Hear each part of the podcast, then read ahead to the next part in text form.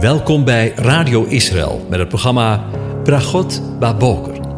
Een kort ochtendprogramma waarin een gedeelte uit de Bijbel wordt gelezen en besproken. Met Bragot Baboker wensen onze luisteraars zegeningen in de ochtend. Presentator is Kees van de Vlist.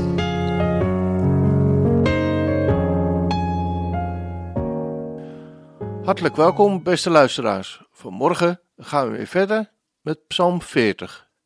Ik lees het gedeelte aan je voor. Heren, u zult mij uw barmhartigheid niet onthouden. Laat uw goede tierenheid en uw trouw mij voortdurend beschermen. Want rampen, niet te tellen, hebben mij omvangen. Mijn ongerechtigheden hebben mij getroffen. En ik heb ze niet kunnen overzien. Ze zijn machtig veel meer dan de haren van mijn hoofd. En mijn hart heeft mij verlaten. Laat het u behagen, heren, mij te redden. Heren, kom mij spoedig te hulp. Laten samen beschaamd en rood van schaamte worden, die naar mij naar het leven staan om dat te vernielen. Laat terugwijken en te schande worden wie vreugde vinden in mijn onheil. Laat als loon voor hun smaad verwoest worden wie tegen mij zeggen: Haha, laat in u vrolijk en verblijd zijn alle die u zoeken. Laat wie u wil heil lief hebben. Voortdurend zeggen: De Heere is groot. Ik ben wel ellendig en arm, maar de Heere denkt aan mij. U bent mijn helper en mijn bevrijder, mijn God. Wacht niet langer. Over de terugkeer gesproken. Vandaag willen we nadenken over de woorden: Laat wie uw heil liefhebben voortdurend zeggen: De Heere is groot. De dichter van de psalm spreekt over heil, een woord dat we als volgers van Joshua nogal eens in de mond nemen. Maar waar praten we dan eigenlijk over? Laat wie uw heil liefhebben. Wat betekent dat eigenlijk? Het Hebreeuwse woord dat hier gebruikt wordt is teshuva. Teshuva, hoe vertaal je dat woord eigenlijk? We vertalen het gewoonlijk eenvoudig als berouw en verwijzen naar een verandering in een persoonlijk gedrag, waarbij we ons onthouden van of afstand nemen van onze negatieve eigenschappen en het onwettig gedrag. Maar is dat de volledige betekenis van de term teshuva of heil, zoals wij dat uh, vertalen? Verandert teshuva simpelweg een bepaalde handeling of gedragswijze? Maar teshuva is veel breder. Het woord teshuva vertaalt ook als terugkeer. Het is een beweging van terugkeer, van een gebroken bestaan naar perfectie, van ballingschap naar verlossing. Het, het proces begint in de diepte van ballingschap.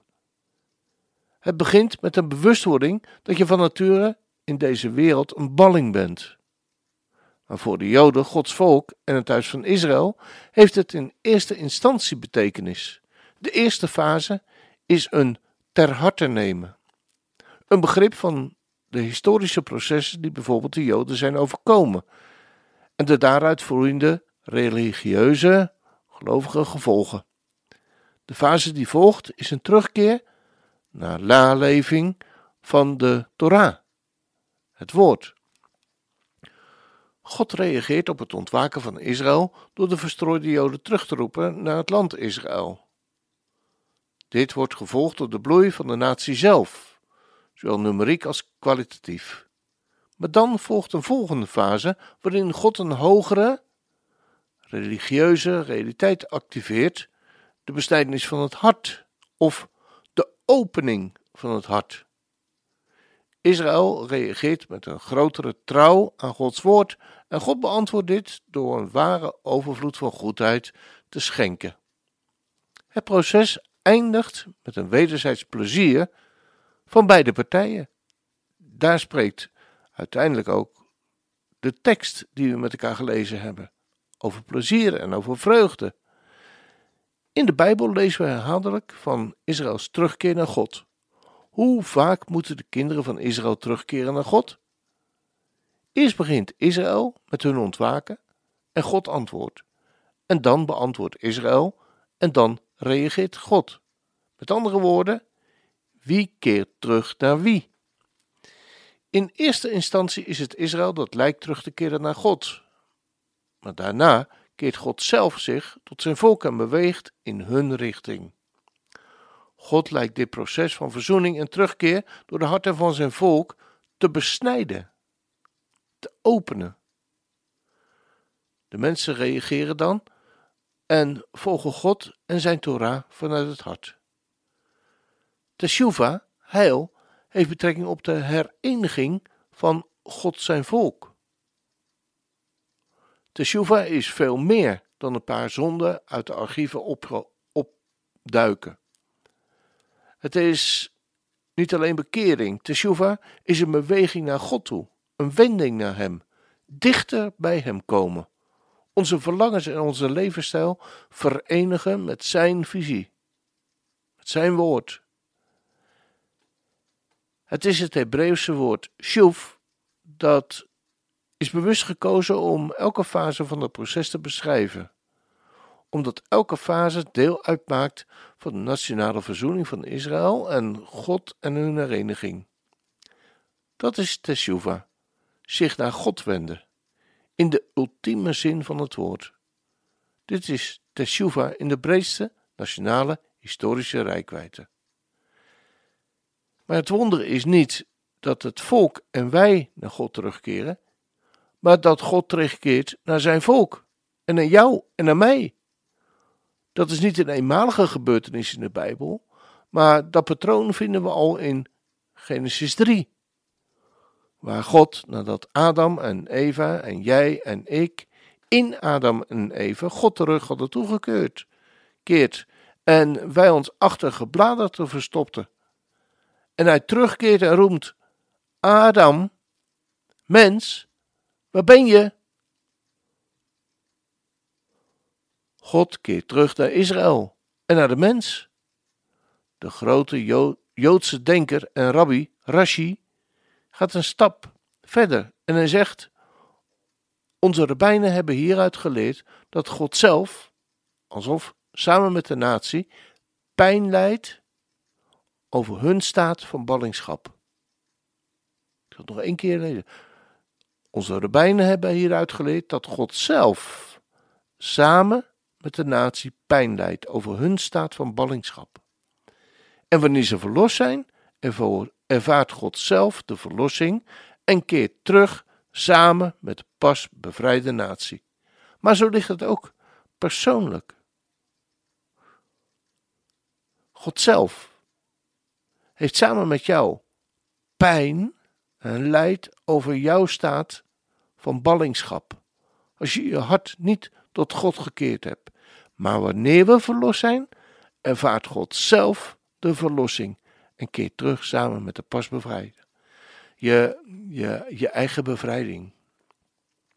Onze hoop en gebed als individuele mensen van de 20e eeuw en als van het Joodse volk en het huis van Israël mag dan wel zijn Avinu Mokainu, onze Vader en Koning. Breng ons terug in een volledige terugkeer. Om terug te keren naar God, naar het pad dat we werkelijk verlangen voor onszelf als individuen en waar God naar verlangt, dat wij naar Hem terugkeren, naar het pad van onze bestemming en naar een relatie van liefde en saamhorigheid. Over en weer met God.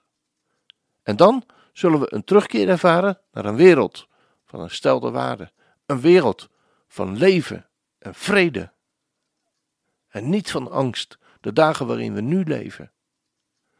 Als dat geen zegen is. We gaan luisteren naar het lied Avinu Makainu, waarvan de woorden luiden: Onze Vader, onze Koning, wij hebben gezondigd voor uw aangezicht. Onze Vader, onze Koning, wij hebben geen die ons regeert dan u. Onze Vader, onze Koning, wees met ons ter wille van uw naam wij dragen. Onze Vader, onze Koning, laat het nieuwe jaar voor ons een goed jaar worden. Onze Vader, onze Koning, elk besluit dat hard en zwaar voor ons zou zijn om het te ondergaan, vernietigt dat. Nee, laat het niet eens over ons uitgesproken worden. Onze Vader, onze Koning, laat ophouden elke beschikking over ziekte, over oorlog, over hongersnood die tegen ons zou uitgesproken zijn. Onze Vader, onze Koning, vergeef ons en scheld ons kwijt wat wij verkeerd gedaan hebben. Onze Vader, onze Koning, voer ons terug in een volledige en algehele terugkeer tot U. Onze Vader, onze Koning, geef een algehele genezing van de zieken van Uw volk. Onze Vader, onze Koning, vermeld onze naam ten goede. Onze Vader, onze Koning, schrijf ons in in het boek van een goed leven. Onze Vader, onze Koning, schrijf ons in in het boek van verlossing en hulp. Onze Vader, onze Koning, schrijf ons in in het boek waarin een goede beschikking valt over de mogelijkheid ons in leven te houden. Onze Vader, onze Koning, laat wat wij goed deden voor ons opgetekend blijven. Onze Vader, onze Koning, schrijf ons in in het boek van vergeving en kwijtschelding. Onze Vader, onze Koning, laat er spoedig hulp over ons ontstaan. Onze Vader, onze Koning, geef Israël, uw volk, zijn glorie.